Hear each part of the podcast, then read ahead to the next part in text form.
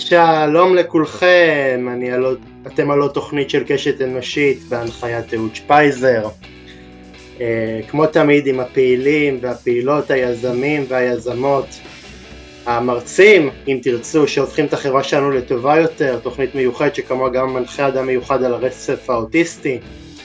אה, לפני שאני אגש אה, לנושא שעליו אני מתכוון לשוחח היום, אני רוצה להגיד לכם, קהל מאזינים יקר, אם אהבתם את קשת אנושית, אם אתם נמנים עם קהל מאזיניי, נא לשתף את התוכנית ברשתות החברתיות כדי שהתוכנית תמשיך לצבור קהל מאזינים נוסף. הבה נתחיל. נדמה שבמציאות הפוליטית המקוטבת כמו זו שקיימת כאן בארץ אין זה מופרך להניח כי הסיכוי לשתף פעולה בין הקהילות השונות יצטמצם מאוד אבל האם המחאות שגודשות באחרונה את הארץ טומנות בתוכן סיכוי בלתי חוזר לעשות היסטוריה ולהפגיש בין קהילות שלא העלו בדעתן לשתף פעולה איך עושים את זה? איך כל צד עושה את הפשרה הקטנה שלו? בשביל לענות על זה אני גאה לארח בתוכנית שלי חברת כנסת לשעבר ואקטיביסטית פוליטית נוקבת וח... וחדה בהווה. יש את ציבור ישראלית, בעברה הייתה חברת כנסת uh, מטעם סיעת כולנו, חברת מועצת העיר ירושלים, מטעם סיעת ירושלמים, וסגנית ראש העיר. היא נולדה וגדלה במושב אה, בית גמליאל והתחנכה אה, בחינוך הממלכתי דתי ובבני עקיבא, שירתה בצה"ל כמורה חיילת אה, והתנדבה בחברה להגנת הטבע. היא סיימה בהצטיינות לימודי תואר ראשון בפסיכולוגיה ותואר שני ביישוב סכסוכים באוניברסיטה העברית. בשנים 2009-2010 הייתה עמיתה בבית ספר למנהיגות חינוכית שבמכון מנדל אה, למנהיגות. היא הכילה את, פעול, את פעילותה הציבורית במסגרת ארגון מגמה ירוקה, בתחילה כפעילה אה, בקמפיינים סביבתיים ובהמשך כרכזת אה, תא הסטודנטים. היא הייתה חברת צוות הנהלה וחברה בוועד המנהל בשנים 2004-2007. היא ניהלה את ארגון מבוי סתום המסייע למסורבות גט בהתמודדות עם בתי הדין הרבניים. בהליכי גירושין מגבר אה, סרבן גט. הייתה ממקימי פורום רשות הרבים לארגוני התחדשות יהודית בירושלים. במחאה החברתית של קיץ 2011 הייתה אחת ממנהיגות המאהל הירושלמי וממובילות צעדת העגלות שדרשו תנאים טובים יותר לגידול ילדים. עם הקמתה של ועדת טרכטנברג אה, היא הוזמנה להופיע לפני הוועדה כדי להציג בפניה את התוכנית שהגתה לחינוך חינם וסבסוד צהרונים בירושלים. בשישה בינואר 2015 הודיעה יחד עם אה, משה כחלון הצטרפותה מפלגת כולנו והוצבה במקום החמישי ברשימה ונבחרה מטעמה לכנסת העשרים, נחשבה לח"כית פוריה וקידמה מספר הצעות חוק כמו חוק החופשות שביקש אה, להעלות את מינימום ימי החופשה לכל עובד במשק מעשרה ימים ל-11 ימים וחוק הורות שוויונית, 12 סליחה, וחוק הורות שוויונית, חוק שמאפשר להורים אה, להתחלק בשעת ההנקה הניתנת להם במשך ארבעה חודשים לאחר חופשת הלידה ומשנה את אה, שמה לשעת הורות. על עשייה הזאת אה, נבחרה בשנת 2017 ברשימת עשר המשפיעים בישראל של עיתון דה מרקר. בספטמבר 2020 יצא לאור ספרה הראשון המדריך למהפכה. הספר מסביר אה, כיצד פעילים חברתיים יכולים להוביל שינוי חברתי במדינת ישראל. ב-29 בנובמבר 2022 מונתה למנכ"לית תנועת דרכנו ויש לי את הכבוד אה, לארח אותה. שלום רחל עזריה. שלום וברכה. זה, אני, אני לא, אני לא חושבת שאי פעם הקריאו כל כך הרבה. וסליחה על התיקון באמצע, זה ככה... לא, לא, הכל בסדר, הכל בסדר. כן. העונג הוא כולו שלי, את יודעת, אחרי, אה, אחרי שורה אה, של, אה, של פעילים מהמין הגברי, כיף לי סוף סוף לחזור ולדבר עם מרואיינת שהיא שהיא באמת אקטיביסטית והיא לוחמת ו- ומעל הכל תמיד אישה. תודה. אז, אז רחל, באמת אני הקראתי פה באמת שורה מאוד מאוד נכבדת של פעילויות ושל ארגונים בהם היית חברה ואני רציתי לשאול אותך כמישהי ש... שגם כשהיא הייתה חברת כנסת וגם עכשיו כשהיא עומדת בראש תנועת דרכנו לא השילה מעלה את האהבה לאקטיביזם, לאקטיביזם חברתי. כן. בוחרים את זה או שפשוט זה מין איזושהי נטייה טבעית שבן אדם קם בבוקר והוא מחליט שיש משהו עקום בחברה שלנו והוא מחליט שאת זה הוא רוצה לתקן. אה, אז אתה שואל מבחינתי שאלה, היא קצת אה, שאלת מיליון הדולר, שמעסיקה אותי הרבה. אה, אני אגיד קודם שאני ממש שמחה להיות פה, וכל הכבוד על הפודקאסט, וגם באמת זה רציני וחשוב ומעמיק. זה קצת שאלת מיליון הדולר, כי אתה יודע, אני, אני בת 45, הייתי חברת מועצה וסגנית ראש עיר וחברת תודה, וחברת כנסת ועשיתי כל מיני דברים ובדרך כלל אנשים בשלב הזה בחיים הולכים לעשות משהו מסודר, הולכים לעשות כסף, הם הולכים לעבוד בכל מיני קרנות, כאילו יש משהו נורא מתבקש וגם הרבה אנשים שהיו איתי בהרבה מאבקים לאורך השנים, עם הזמן או הלכו ללמד באוניברסיטה או הלכו למגזר העסקי או הלכו לנהל קרנות פילנטרופיות ו... אצלי זה כאילו לא עובר, אה, אני, ובאיזשהו ש... כאילו, אתה יודע, כולם אוכלים את זה, ואני ממשיכה לעשות מאבקים חברתיים, ולח... ואני חושבת שאחד הדברים שהבנתי, שאני לא צריכה להילחם בעצמי, זאת אומרת, זו אני, זה מה שאני אוהבת לעשות, זה מה שאני טובה בו, זה כאילו לא משנה באיזה תפקיד אני נמצאת, ועם איזה כובע אני מסתובבת, אם זה אקטיביסטית, חברת מועצה, סגנית ראש עיר, חברת כנסת, מנכ"לית ארגון, כותבת, כותבת ספר, כותבת טורים בעיתון, זה לא, בטלוויזיה, לא משנה, בכל התפקידים בסוף מי שאני זה אקטיביסטית וזה מי שאני, אני מובילה חברתית, אני עוסקת בשינוי חברתי וזו המציאות ואני חי עם זה בשלום, יודעת, אבל אני אה, מבינה את השאלה שלך. את יודעת אה, דוב חנין שהוא גם חבר כנסת לשעבר התראיין אצלי בפודקאסט ושאלתי אותו אה, שאלה. האם, כ, האם כ, כחבר כנסת כשהוא היה באמת, אה, באמת אה, פרלמנטר ובאמת קידם חוקים הוא באיזשהו מקום חש אכזבה מהדיסוננס שהיה לו כאדם פרטי לפני אה, הכנסת לבין אה, איך שהוא יצא אה, מה, מהכנסת. רציתי באמת אה, בנקודה הזאת אה, לשאול אותך כש, כשאת אה, חברת כנסת אה, בהשוואה להיותך אדם שפועל מחוץ לכנסת יש באמת אה, דברים שאני, אה, שאני רואה מכאן אבל לא רואה משם אמ, אני, אני חושבת שזה מאוד מאוד שונה. אני חושבת שאנשים לא תמיד מבינים עד כמה הכנסת שונה ממה שהיא נראית מבחוץ. אמ, גם חברי כנסת שנחשבים נורא נורא מקסימים וזה וזה פוגשים אותם והם מתנהגים מאוד אחרת וגם הפוך כאלה שיש להם uh, שם של uh, אנשים מאוד קשים פוגשים אותם וביום יום הם אנשים מקסימים. אמ, גם במובן הזה וגם במובן של איך משפיעים. אני תמיד נראה לי שאנשים מבחוץ נראה להם שבכנסת באים צועקים צועקים צועקים ואיכשהו זה לא. עבודת הכנסת היא עבודה מאוד רצינית החמאת לי באחת המחמאות באמת הכי משמחות שקיבלתי שאמרת שהיית, שהייתי ח"כית פוריה.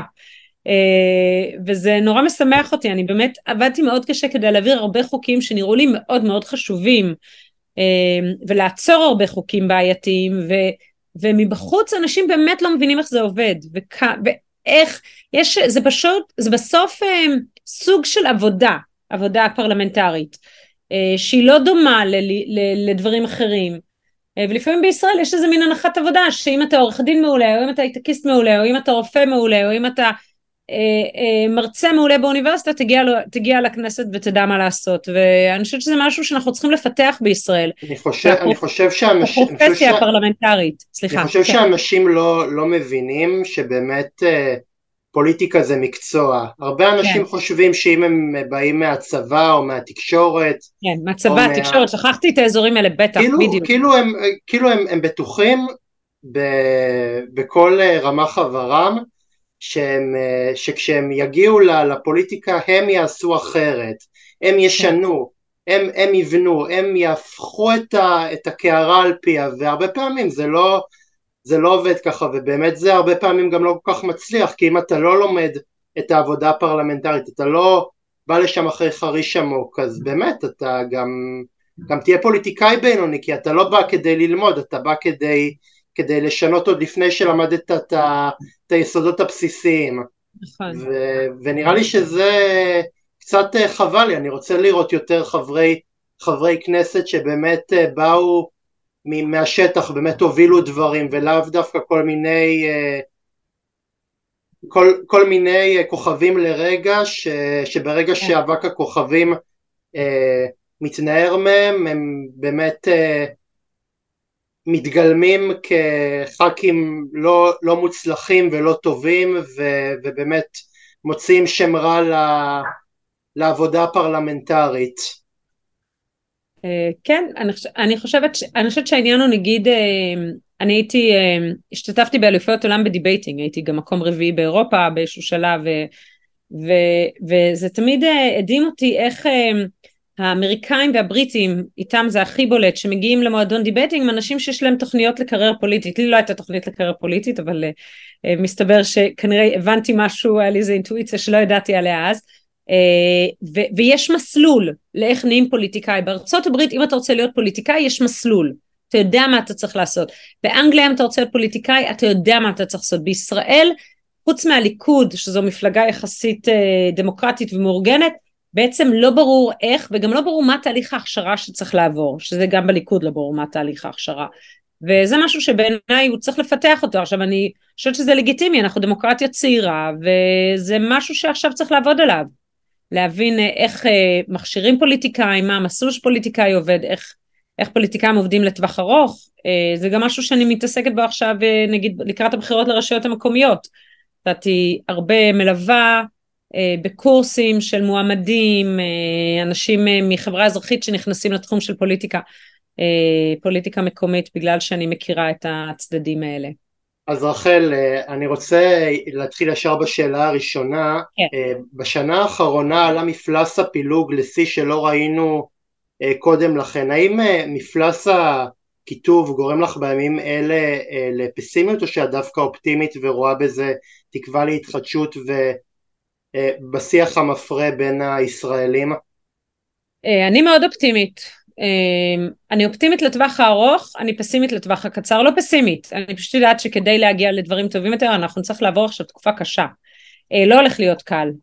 אמ, אמ, אנחנו עכשיו במין אה, רגע שאנחנו פתאום מאבדים כל מיני אה, מתחים פנימיים ש, שהיו בחברה הישראלית הרבה שנים. אני אגיד שאנחנו חברה, ישראל היא חברה של פוסט טראומה מתמשכת. אבל זה מעניין שהטראומות אה, ביחס לאירועים חיצוניים, אה, יש לנו הרבה אזורים שבהם אנחנו מתמודדים איתם, בסדר? אם זה יום השואה, השואה, אם זה המלחמות, יש לנו יום השואה ויש לנו את, את יום הזיכרון ויש הרבה תאריכים לאורך השנה והרבה התמודדות גם אישית וגם מערכתית וכולי. כל המאבקים הפנימיים בינינו, הטראומות הפנימיות, החל באלטלנה, סזון, עליית אה, על, עלייה מצפון אפריקה, איך שהתקבלה, אה, ואדי סאליב, מלחמת יום כיפור, רצח רבין. אה, האינתיפאדה אה, כאילו... השנייה. מה? האינתיפאדה השנייה. האינתיפאדה, האינתיפאדה הראשונה, האינתיפאדה השנייה, המון המון המון המון אירועים, האינתיפאדה זה גם, זה יותר חיצוני, המון אירועים פנימיים מאוד מורכבים שאנחנו לא מדברים עליהם. אין לנו, אין לנו מקומות שבהם אנחנו מאבדים אותם. עכשיו זה טראומות שהולכות ונבנות וכעסים שהולכים ונבנים והם בעצם לא מעובדים. אני חושבת שמה שאנחנו עושים עכשיו כחברה זה מתחילים לאבד או מה שאנחנו צריכים לעשות זה לאבד אבל כדי לאבד הרבה פעמים נגיד מתי בן אדם הולך לפסיכולוג יש לי תואר ראשון בפסיכולוגיה, אז מתי בן אדם הולך לפסיכולוג? כשהוא מתחיל להרגיש שמשהו לא טוב אצלו. אני חושבת שאנחנו בשלב שכחברה אנחנו מבינים שאנחנו צריכים ללכת לפסיכולוג, בסדר? אה, ואנחנו מתחילים לדבר על הדברים, נכון? אה, שחוזרים הביתה ואומרים להורים, זה לא בסדר וזה לא... זה, זה שלב בריא. זה שלב שאומר, יש... מתחיל להתמודד עם האתגר. אז אני חושבת שזה המקום שאנחנו נמצאים בו. תגידי, רחל, ראית את הסדרה בכאן 11, מדורת השבטים? ראיתי חלקים, כן. אז אני חושב ש... שזה באמת uh, סדרה מצוינת, שבאמת uh, באיזשהו מקום uh, מגוללת אחורה כל מיני uh, טראומות בחברה הישראלית ו... וגם לדעתי, את יודעת, אני, uh, המחשבה שעלתה לי לראש היא איך לא עשינו את זה קודם לכן, איך באמת לא לקחנו את כל הטראומות האלה והאמנו שאפשר להדחיק אותם ולא עשינו את זה עוד, uh, עוד קודם. אני חושב שכבר ברצח רבין הייתה נקודה שבה יכולנו uh, קצת uh, לעצור ובאמת uh, להבשיל איזשהו תהליך של ריפוי, אבל, אבל זה לא קרה, ו, ולצערי הרב, uh, החברה שבה אנחנו חיים היום, אני חי היום, היא חברה uh, רעילה. השפה שאנחנו uh, מדברים בה היא שפה מאוד מאוד מאוד uh, ארסית, ובאיזשהו מקום, את יודעת, אני חושב שהגיע הזמן גם להגיד, אוקיי, רבנו מספיק, אנחנו התכתשנו מספיק, בוא בוא עכשיו נדבר, בוא, בוא נשב ו- ונפתור את, ה- את הבעיות אה, שלנו ושכל אחד יגיד בה בצורה הכי, הכי ברורה, לא, לא בטיוח ולא אה, בהעמדת פנים מה הוא חושב על הצד האחר ו- ומתוך הריב הזה אולי לצאת לאיזושהי דרך חדשה.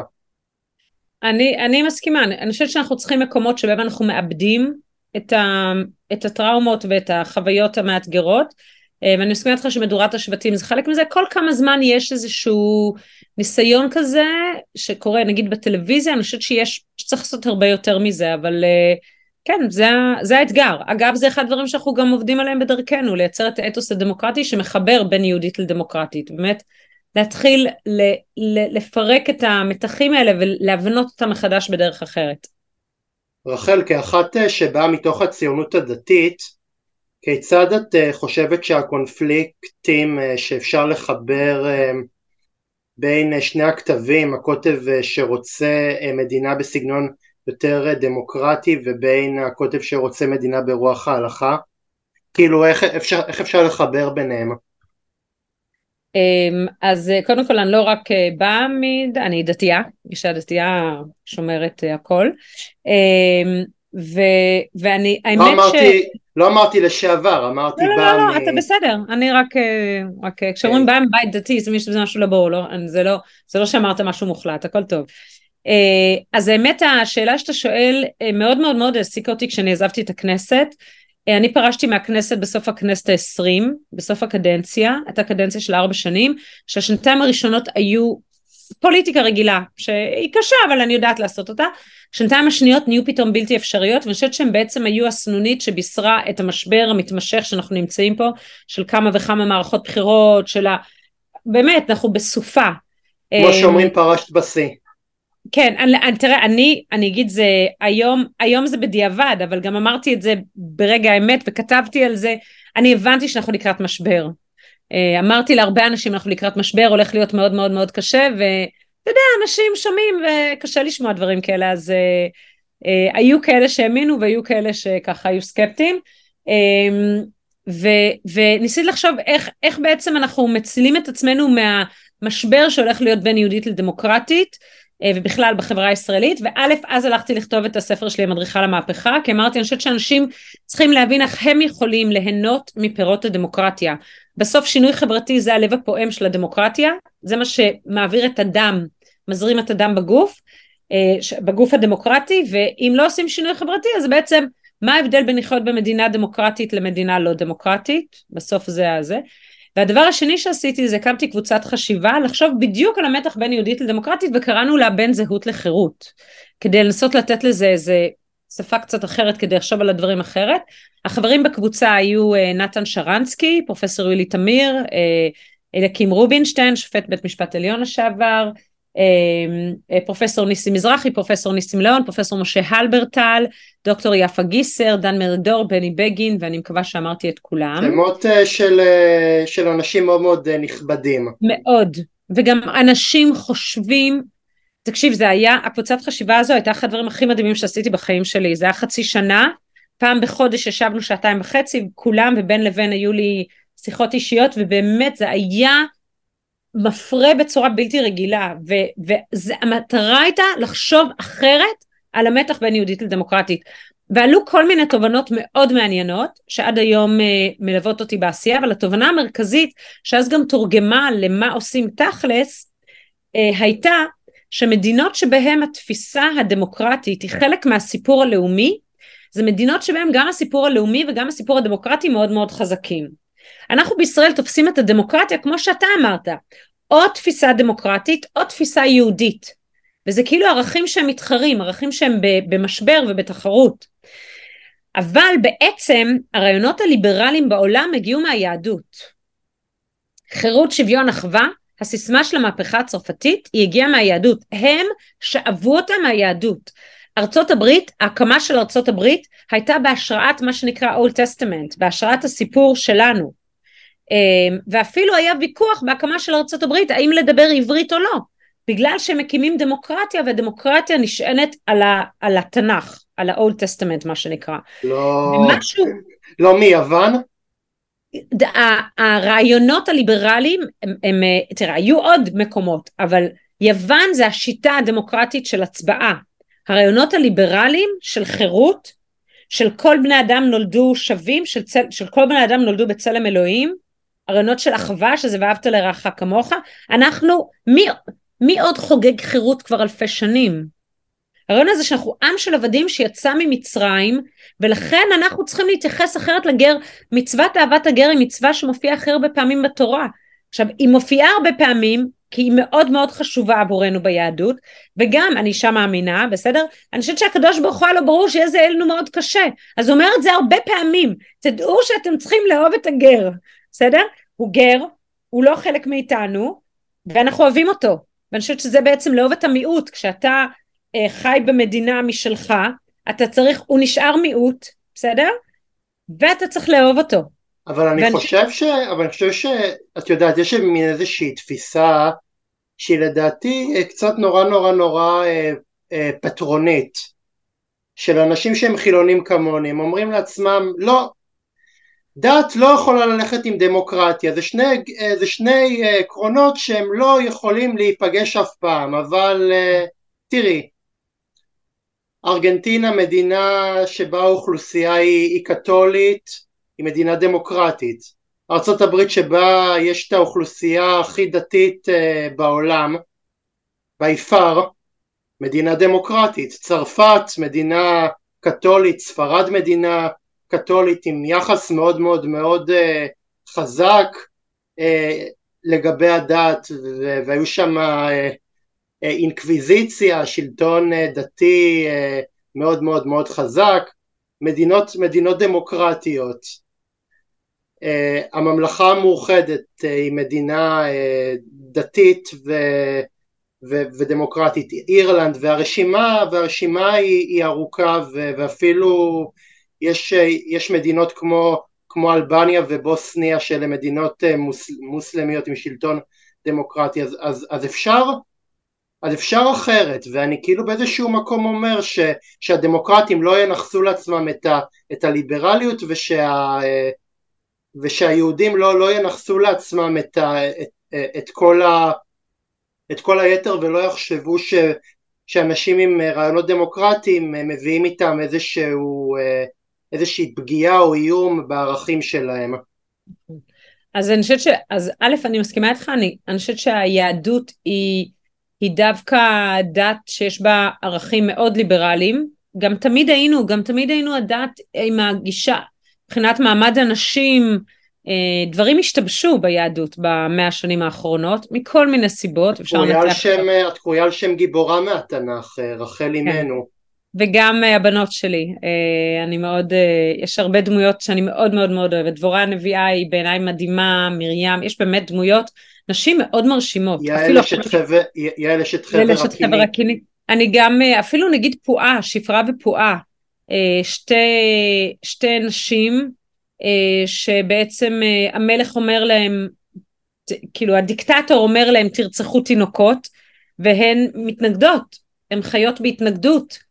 אה, המילדות המצריות, יש פה משהו, יש פה משהו, סיפור נורא, יש פה הרבה, יש לנו, המורשת שלנו מלאה בסיפורים מאוד משמעותיים אה, ב, ביחס לנשים, אבל משהו השתבש, ואני חושבת שאנחנו צריכים לעשות הרבה עבודת תיקון.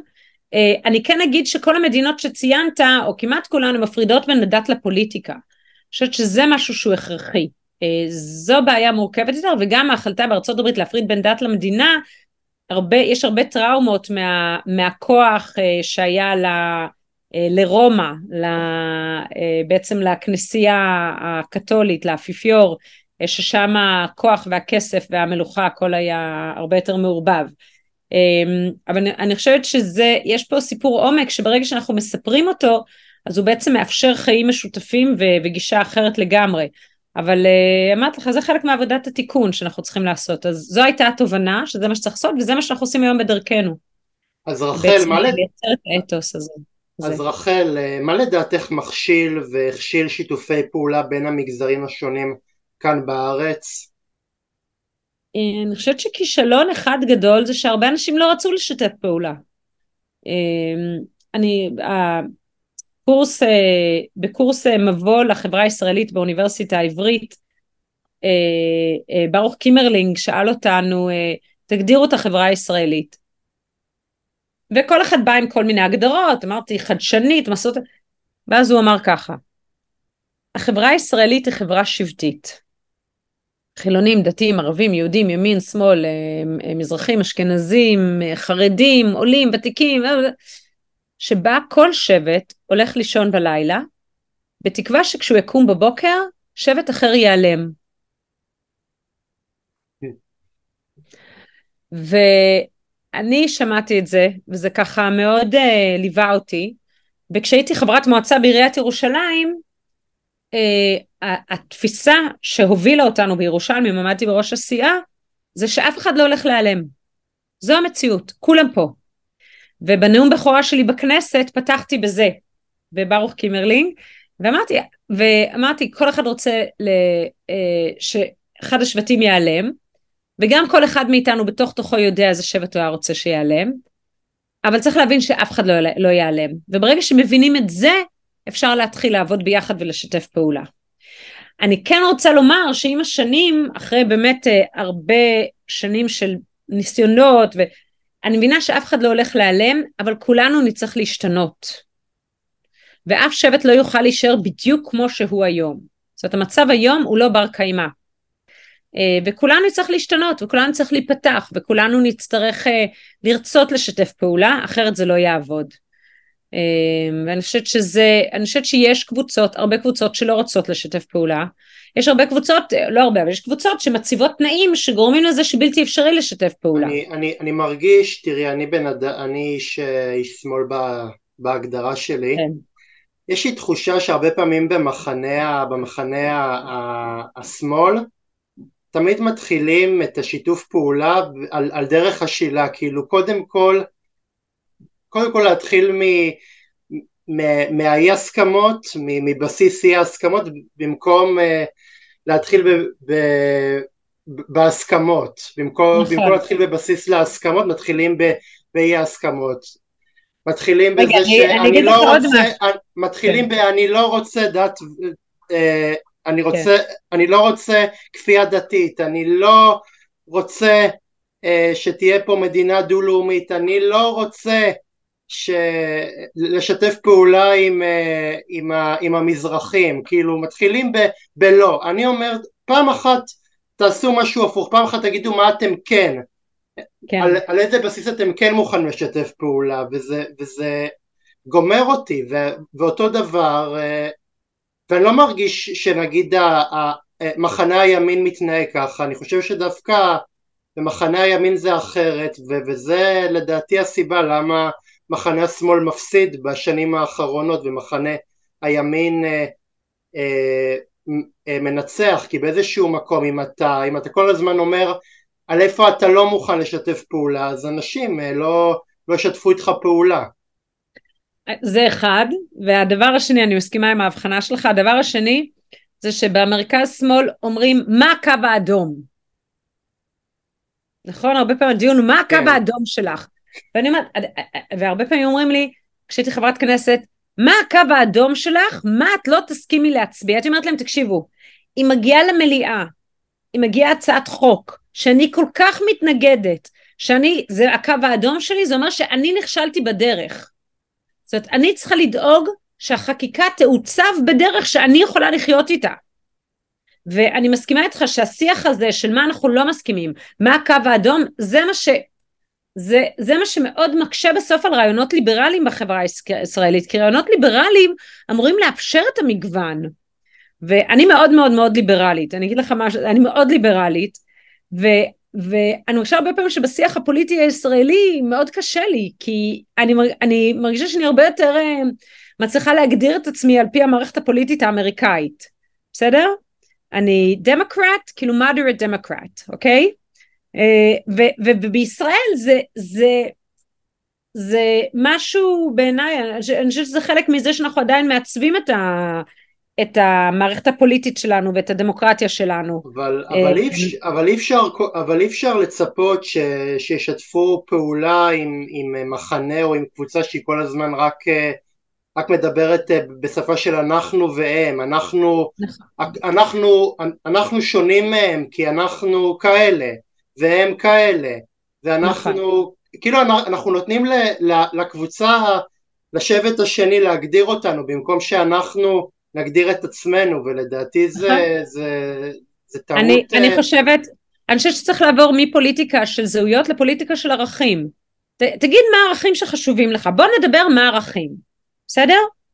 מה, איזה חברה אנחנו רוצים לדמיין, ואז באמת זה מאפשר שיתופי פעולה, אבל זה פוליטיקה מאוד של זהויות, ואז באמת כל הנושא המזרחי, אה, אבא שלי טוניסאי ואמא שלי אמריקאית, ככה זה נושא שמאוד חי אצלי, וכל הנושא הדתי, אם אנשים כל כך מבועטים מעיסוק בדת, או, או נגיד אפילו אנשים שאומרים לי, אל תגידי שדמוקרטיה ויהדות זה, זה, זה, אה, אה, כאילו, נכון, אני, אני מרגישה את החוסר נחת מזה, למרות שזה נכון.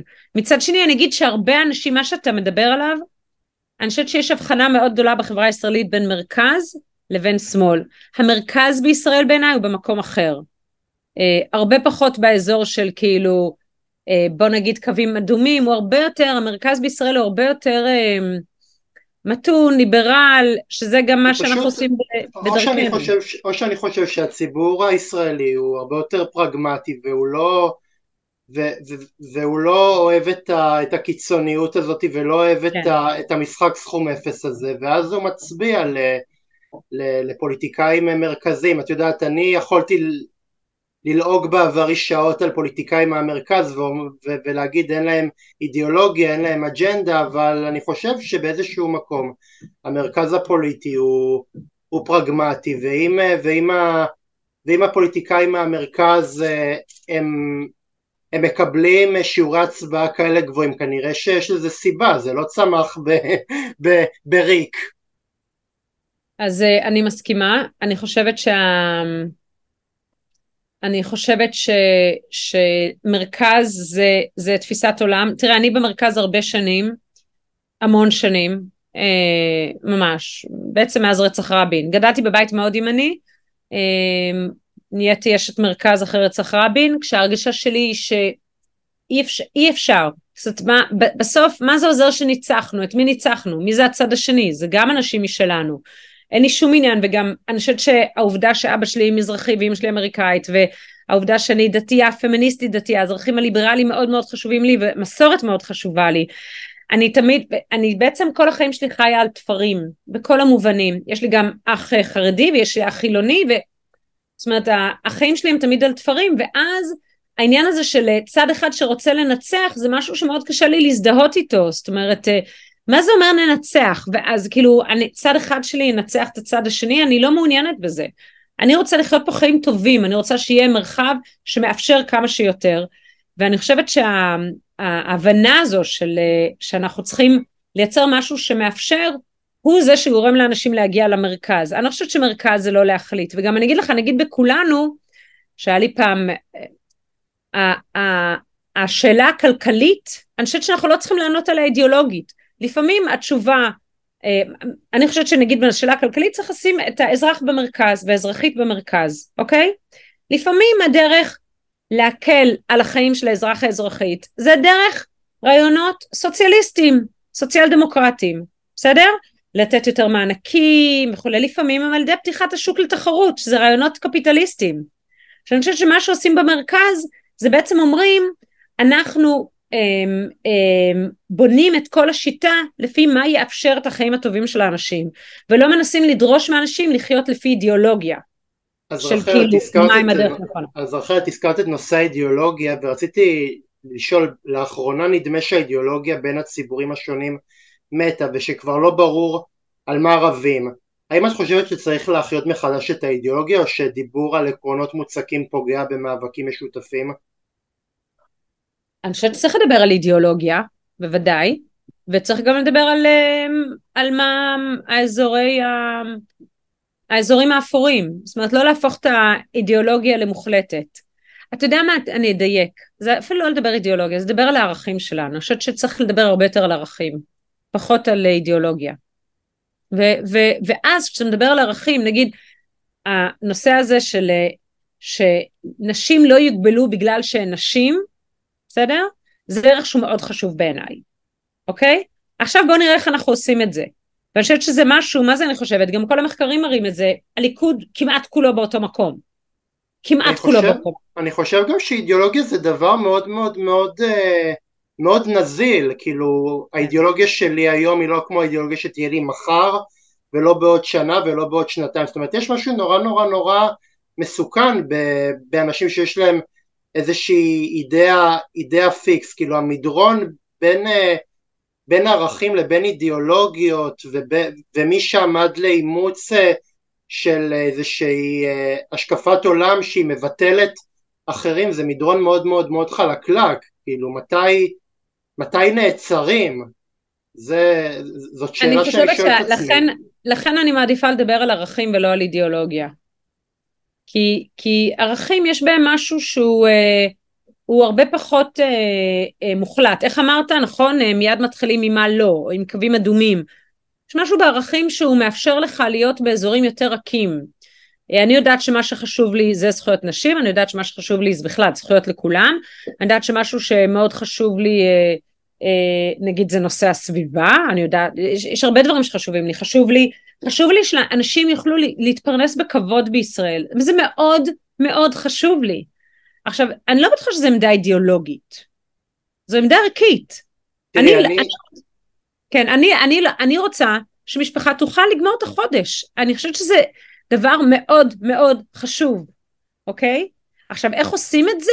פה מתחילות להיכנס האידיאולוגיות, וכמו שאמרתי, לפעמים ככה, לפעמים ככה, אבל הערך שאנשים יוכלו לעבוד וכשהם עובדים הם יוכלו לדאוג לילדים שלהם בעיניי זה ערך מאוד חשוב. תראי אני, אני חושב שבזמן האחרון זה קיבל איזשהו אה, אה, קווי אה, דמיון ברוח הרפורמה אנחנו, אני למשל אה, גילוי נאות נולדתי אה, וגדלתי בבית שבו אימא, אימא שלי שונאת שנאת מוות אה, תומכי הליכוד היא רואה בהם, בהם אסופה של אנשים נבערים מדעת ואנשים אלימים ואנשים uh, כוחניים.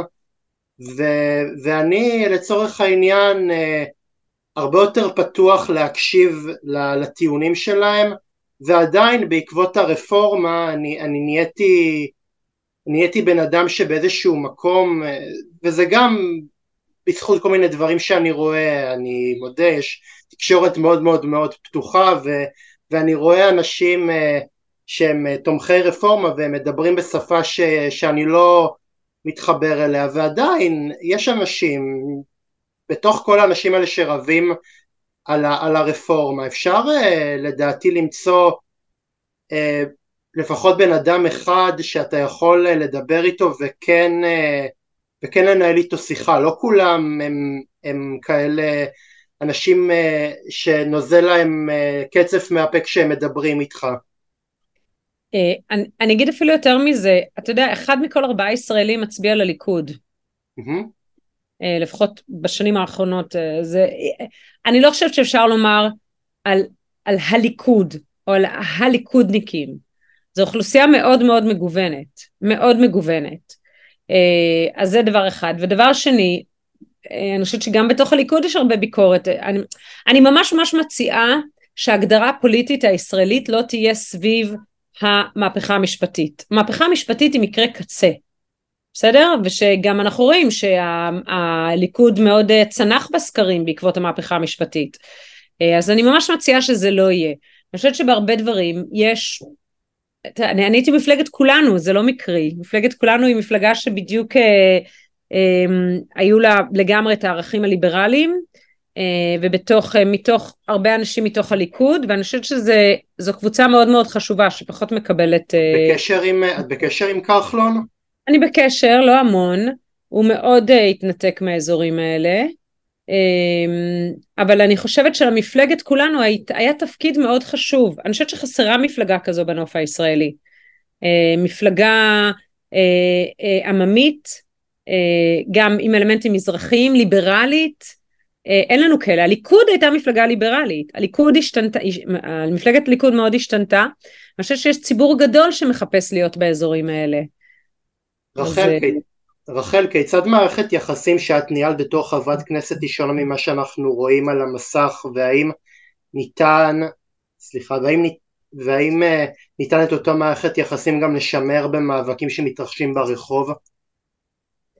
אה, מערכת יחסים בין חברי הכנסת או עם הציבור? כן, את יודעת, נגיד, נגיד, נגיד בן אדם ש, שאת יודעת, אה, יש לו דעות נורא נורא נורא נורא שמרניות ונורא נורא נורא חשוכות ואז את אומרת וואי איך אפשר לדבר עם כזה בן אדם? הוא הרי כל כך הוא הרי כל כך חשוך והוא כל כך חתום וכאילו את יודעת אני אני לא נפגש עם אנשים כאלה כי הם לא באקו צ'מבר שלי אבל uh, אבל, אבל בטח את נפגשת איתם ועדיין את יודעת בטח אה, יש מישהו או מישהי שאת יודעת שבשיחות של אחד על אחד הם, הם אנשים אה, שהם בטח יותר סימפטיים מהתדמית ש, שנוצרת להם אה, בציבור אז את יודעת מה אני, אני, יכול ללמוד ממך כחברת כנסת ו, כן. ואולי, ואולי לקחת ממך אה, איזה שהם טיפים שאני יכול ליישם כ, כאדם רגיל?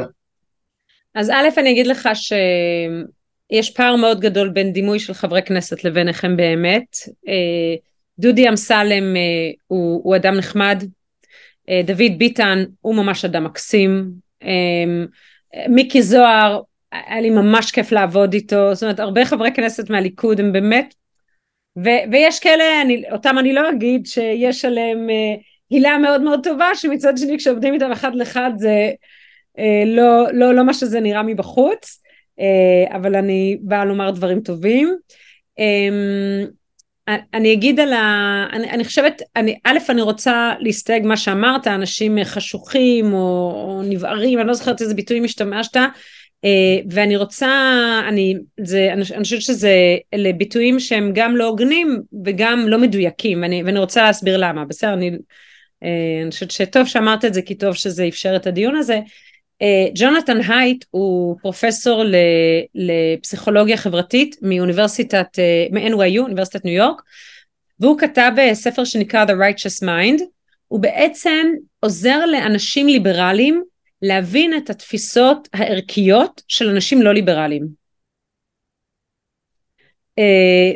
והוא מדבר על זה, את התפיסות הערכיות והמוסריות, והוא מדבר על זה שבסוף יש טעמים במובן של כאילו סוגים שונים של אה, מוסר, של תפיסות מוסריות, ולאנשים ליברליים יש תפיסות מוסריות מסוימות, ולאנשים אה, אה, לא ליברליים, שמרנים, לא משנה איך זה, או מסורתיים, יש תפיסות מסורתיות שמגיעות ממקומות אחרים. מה שמדהים, שהרבה פעמים התפיסות האלה יכולות להתלכד, ואני אתן דוגמה בדיוק מהעבודה שלי בכנסת. אה, הגיע חוק אה, המקוואות, אני עבדתי הרבה שנים לאפשר לכל אישה לטבול באופן שהיא מעוניינת, בסדר, זה חלק מהפמיניזם הדתי, והגיע חוק המקוואות, וחוק המקוואות זה היה אה, ש"ס ויהדות התורה ו- וסמוטריץ', אה, והם רצו לדרוש שכל אישה תטבול רק לפי ההגדרות של הרבנות הראשית, ותהיה פיקוח מאוד גדול, אנחנו רוצים לטבול בלי בלניות, הם רצו ואפילו עשו את זה שאישה שרוצה לטבול בלי בלנית יוכלו להביא למשטרה כל מיני דברים מאוד מאוד מאוד קיצוניים. כן ממש. לא איום ונורא. באמת איום ונורא. זה בדיוק הערבוב של הדת והפוליטיקה. ואני רציתי להתנגד לחוק הזה וניסיתי לדבר ו- ו- והתגובות או שהיו שמה מקווה רחל עזריה תעזבי אותנו מה מקווה עכשיו זה too complicated. והיו גם תגובות אה, שאמרו לי מה הבעיה? שיכבדו את הרבנים. מה הם נשים דתיות שיכבדו את הרבנים עכשיו אני באתי ואמרתי אבל זה פגיעה בזכות של אישה על גופה. נכון אנחנו כמו כמו בלידה כמו בזה שאנחנו מחליטות איך אנחנו עוברות את החוויה ולא יכול להיות שפה הרבנות הראשית תכפה עלינו ויוכלו להביא משטרה וזה ממש משטור וזכות האישה על גופה וזכות האישה על גופה. וניסיתי ודיברתי ודיברתי ודיברתי וכולם דפדפו אותי ונפנפו אותי וזה היה כאילו עזריה די נו תפסיקי די חלאס שיכבדו את הרבנים שיפסיקו כבר מספיק. ואז ניסיתי לחשוב איך הבני דודים שלי מצד אבא שגם יש שם אה, נשים אה, פמיניסטיות אבל הן לא מגדירות את עצמן פמיניסטיות איך הן היו אומרות את זה? ובאתי ואמרתי לומר לאישה איך לטבול ולא לאפשר לה לטבול באופן שבו היא מעוניינת או באופן שבו אימא שלה טבלה או באופן שבו היא מאמינה שהיא צריכה לטבול זה לפגוע בכבוד שלה. ובעצם משיח של זכויות עברתי לשיח של כבוד. ובאותו רגע זה היה כמו, כמו אתה יודע, דומינו רע לי, שכאילו מפילים אחת. כולם השתכנעו. פתאום כולם היו נכון, צודקת עזריה, שיכבדו את הנשים. מה זאת אומרת, זה הכבוד של האישה הכי טובלת, זה רגע כל כך אינטימי, היא מחליטה היא טובלת. עכשיו כל עוד דיברתי בשיח של זכויות, לא היה מי לדבר. וברגע שעברתי לדבר בשיח של כבוד, שאנחנו צריכים לכבד את האישה, שיש לאישה כבוד מעצם זה שהיא בן אדם, או אני אגיד אפילו במובן הדתי, מעצם זה שהיא נולדה בצלם אלוהים, היא מחליטה על הגוף שלה. אז מי זכות, מי לדבר על הזכויות, לדבר על כבוד, ופתאום הצלחתי לשכנע את כולם. וזה בעיניי השיתופי פעולה האלה, אתה שאלת, זה הרגע שיתוף פעולה שמבחינתי, ומאוד מאוד פחדתי, הייתי בטוחה שאני לא אצליח לעצור את החוק הזה, ופתאום הצלחתי, וזהו, וכל השאר היסטוריה. אז uh, אני חושבת שאלה אמרת על הליכוד ועל ה... בסוף אני חושבת שאנחנו מדברים בשפות מאוד מאוד שונות והיכולת uh, לדבר קוראים לזה code switching היכולת לעבור מ, מקבוצה לקבוצה ולדבר בשפות השונות אני חושבת שזה משהו שצריך שהרבה יותר ישראלים ידעו אבל, לעשות. אבל צריך, אבל, אבל צריך להתאמן על זה, זה לא, זה לא פשוט וזה לא קל כי אנחנו הרבה פעמים, יש משהו ש, שחוסם שחוסם אותנו, אנחנו גדלים בבית עם, עם ערכים ועם קודים חברתיים ופתאום לפגוש אה, ערכים אחרים זה, זה משהו שהוא, שהוא באיזשהו מקום אה, מרתיע אותנו ואנחנו צריכים להתאמן, להתאמן על זה ואני אני רק יכול אה, להגיד שאני, שאני מאוד מאוד שמח שאת הצלחת לשכנע אותם ובאמת באיזשהו מקום לגרום להם לגרום להם להיכנס תחת אה, תחת הקורה הזאת של הערכים שאת מאמינה בהם. ורציתי לא, לשאול לא, אבל, אותך אבל מה שמדהים בעיניי זה שהערכים האלה הם, אה, הם, הם, אה, הם גם אצלם. זאת אומרת זה לא ערכים שהם רק זה לא ערכים שלי. זה ערכים שהם גם אצלם פשוט בשפה אחרת. ואני מאוד ממליצה לצפות ב... ב TED Talks של, אה, של ג'ונתן הייט ולקרוא ספרים שלו, יש ספרים שלו, יש ספר חדש שלו שיצא עכשיו בעברית, בדיוק קניתי אותו. אני. אני, תכתבי לי אחרי זה את ההמלצה הזאת, כן. אני, אני אקנה את הספר בהזדמנות. כן. רחל, כיום המאבק הוא על עתיד הדמוקרטיה, כיצד לדעתך ניתן לגרום לאנשים שפחות דבקים באורח חיים דמוקרטי, שבכל זאת המאבק הזה הוא גם לטובתם? אני חושבת ש... אין, אה, הליכוד, הליכוד אומר ובצדק שהוא מפלגה דמוקרטית, כמעט המפלגה הדמוקרטית היחידה היום, אה, אני חושבת שכולם, כמעט כולם מדברים, הם, הם לא אומרים שהם לא דמוקרטיים, אה, אני חושבת שחלק מהמהלך הוא קודם כל לא להרגיש בעלות על הדמוקרטיה, אלא הרבה יותר, להסתכל על זה בצורה הרבה יותר רחבה. אה, ודבר שני שהוא מאוד חשוב זה מה שאמרתי לדבר, ב, לדבר את הערכים בשפות מגוונות. אני חושבת שזה מאוד מאוד מאוד מאוד חשוב אה, וגם לייצר את החיבור בין יהדות לדמוקרטיה. כי אם זה, אם כל אחד צריך להישבע לערך אחד, אם בעצם הימין נשבע לערך היהודי והמרכז שמאל נשבע לערך הדמוקרטי, אתה לא נותן מרחב. ואני חושבת שאנחנו צריכים לפרק את הדיכוטומיה הזו, שיש ערך מול ערך, אלא להיות הערכים, ה, הערכים היהודיים אה, אה, והדמוקרטיים. וערכים, בתוך הערכים היהודיים יש את התפיסה הדמוקרטית. והדמוקרטיה שווה הרבה מכוחה מתוך היהדות. גם הציונות אגב היא מאוד מאוד דמוקרטית. אני חושבת שההבנה הזו היא מאוד חשובה. שזה יהיה שלב גדול במה פשוט את יודעת, נראה לי שכל אחד מדבר מהאקו צ'מבר שלו, ויש לי מין תחושה כזאת שאם אנחנו שנייה רגע נצא מתיבת התעודה הזאת וניפגש עם אנשים אחרים, זה מאוד, זה, זה באיזשהו מקום יפתח, יפתח אותנו, את יודעת, אני, היה, היה איזשהו בחור באוניברסיטה שלי, אני לא אגיד שמות, שאת יודעת שאני שהוא היה מטריל באופן קבוע בהודעות, בהודעות של, ה, של הקבוצה ותמיד, ותמיד כאילו מנסה להת, אה, להתריס ו, ולהקנית ו, ואז כשחזרנו להיפגש, אני מדבר איתך על תקופת הקורונה, ישבתי עם אותו בחור ו, ו, ו, וראיתי בן אדם נחמד, בן אדם, איש איש שיחה, איש שאפשר לדבר איתו. אז רק בוואטסאפ הוא היה נשמע אחרת. לא, אני, אני אומר, אבל, אבל למה מראש לעצבן ולמה מראש להתריס? הרי אפשר uh, להיות נחמד ו- ולהיות, uh, ולהיות איש שיח גם בלי, גם בלי לעשות את כל, ה, את כל השואו הזה שמעורר אנטגוניזם. אני, אני חושבת ש... אני חושבת שהרבה הרבה מהעניין זה שאנחנו uh, אה, חיים בדיוק באקו צ'מברס והמקומות שבהם אנחנו פוגשים אנשים עם תפיסות אחרות זה לא בפנים אל פנים אלא בשדות או אתה יודע מה? זה לא נכון. אנחנו פוגשים אנשים עם תפיסות אחרות פנים אל פנים אבל אנחנו לא מדברים עליהם על התפיסות השונות שלהם. אנחנו מדברים על התפיסות השונות רק ברשתות החברתיות. ושם אין, שם אנחנו לא רואים את הפנים אל פנים, זאת אומרת כשאנחנו פנים אל פנים הרבה פעמים אנחנו בעבודה, אנחנו בלימודים, אנחנו בסופר, אנחנו ברחוב, אבל שם לא מדברים אידיאולוגיה, ואידיאולוגיה, ואולי מה שצריך זה לחדש את הפנים על פנים עם השיח האידיאולוגי. אה, נתת רעיון. רחל, מהי לדעתך השיטה המנצחת שיכולה להפגיש אנשים שמקיימים אורח, אה, אורחות חיים שונות ועדיין לגרום להם להתחבר ולשתף פעולה אחד עם השני? אמ, פשוט קודם כל לחיות ביחד, הרבה יותר. אה, אנשים שחיים ב... שכונות מעורבות, מעורבבות פוליטית, אני חושבת שיש להם יותר סבלנות. אה, אה, אה, זה פשוט קורה. אחת הבעיות זה שנהיינו מאוד סגרגטיביים. תראה, פעם היו, אני זוכרת שסניף בני עקיבא נגיד קריית אונו, וסניף בני עקיבא גבעתיים, וסניף בני עקיבא הרצליה, וסניף בני עקיבא, כל, היו סניפים מפוארים, תל אביב צפון. שכחת את, שכחת את בני ברק במקרה.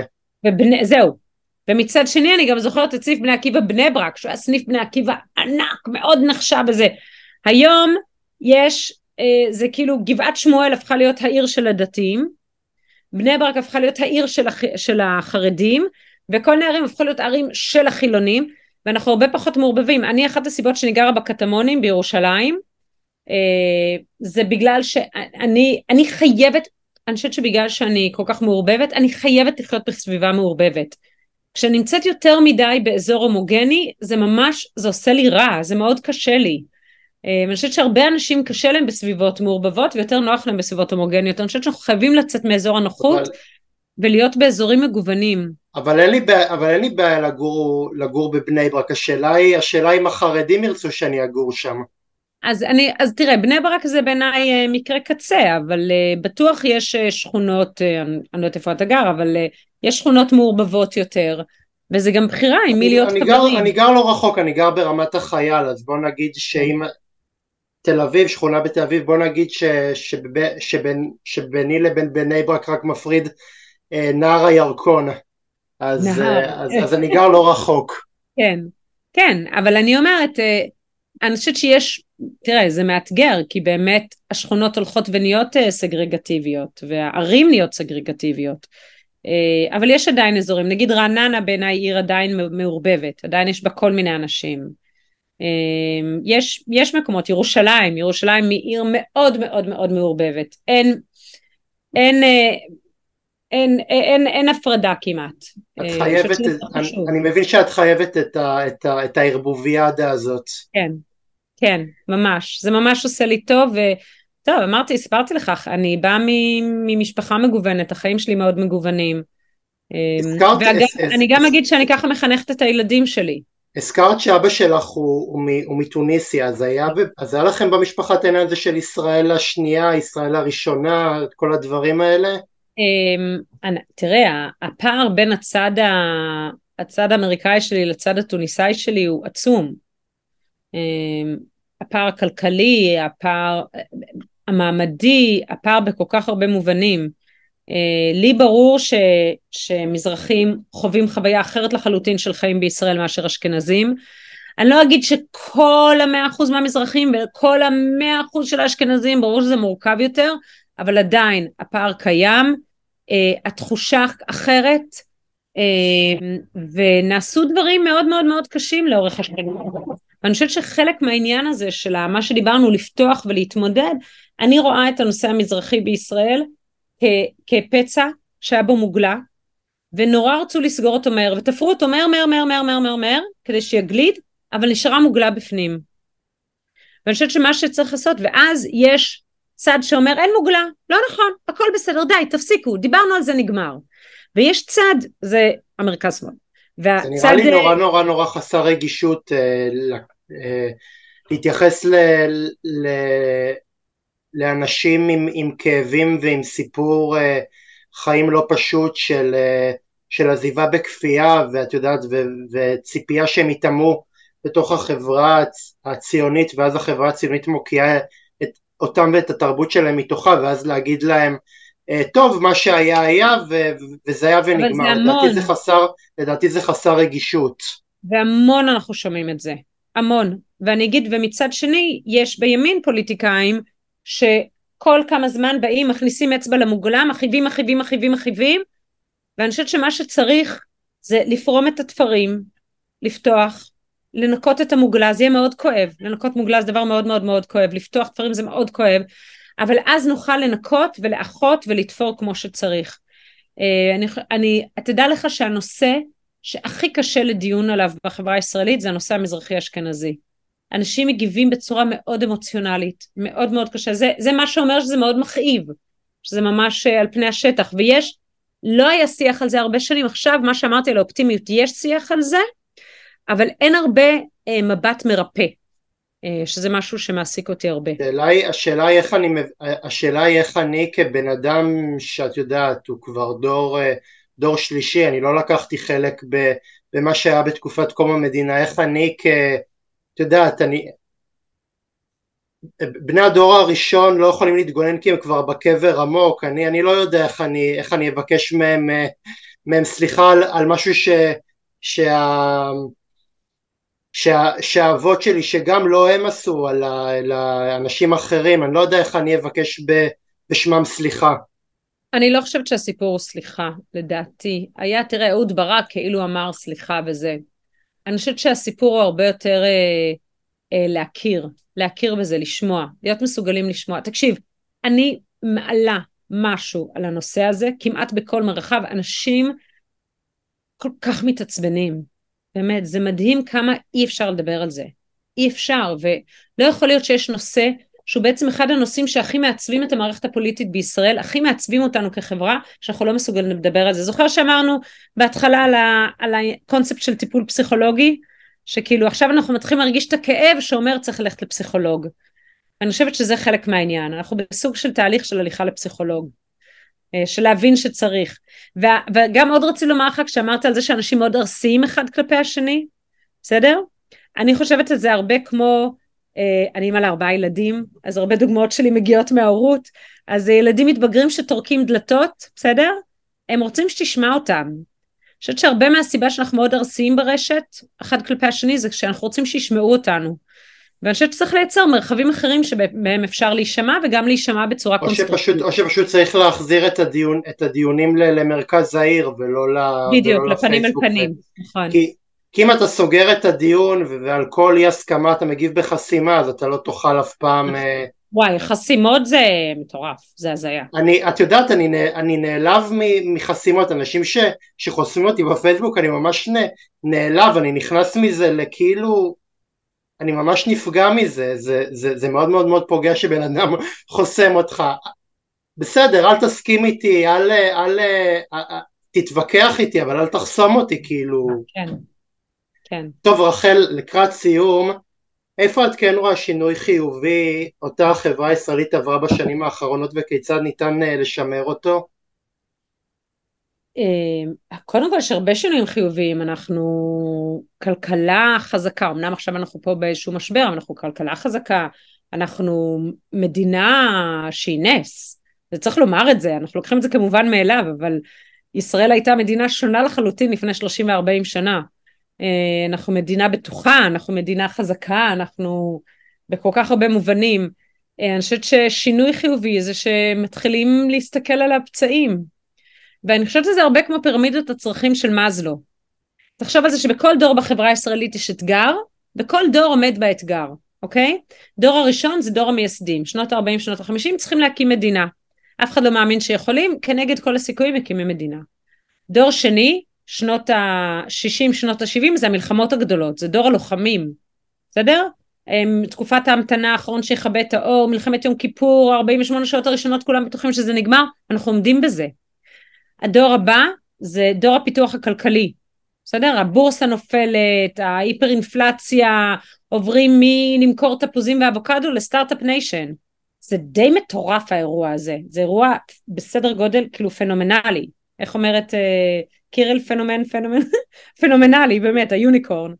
אה, אחר כך אה, את יודעת שאומרים את, את יודעת שאומרים ש unicorn זה, זה כאילו אלגוריה לישראל. לישראל כן, כן. כי זה נכון ואז שנות ה-2000-2010 אם זה היה מקרו כלכלה עכשיו זה המיקרו כלכלה איך ההון מתחלק איך כולם נהנים ממנו ועכשיו אני חושבת שהסיפור הוא תסתכל פירמידת הצרכים של מאזלו זה מי אנחנו מה אנחנו איך אנחנו מייצרים אתוס ושפה משותפים שמאפשרים לכולם לחיות פה יחד. אני חושבת שיש פה גם עבודה תיאורטית, שכאילו להגדיר את האתוס, ועבודה אה, תרבותית, אבל גם עבודה פסיכולוגית שצריך לעשות אותה.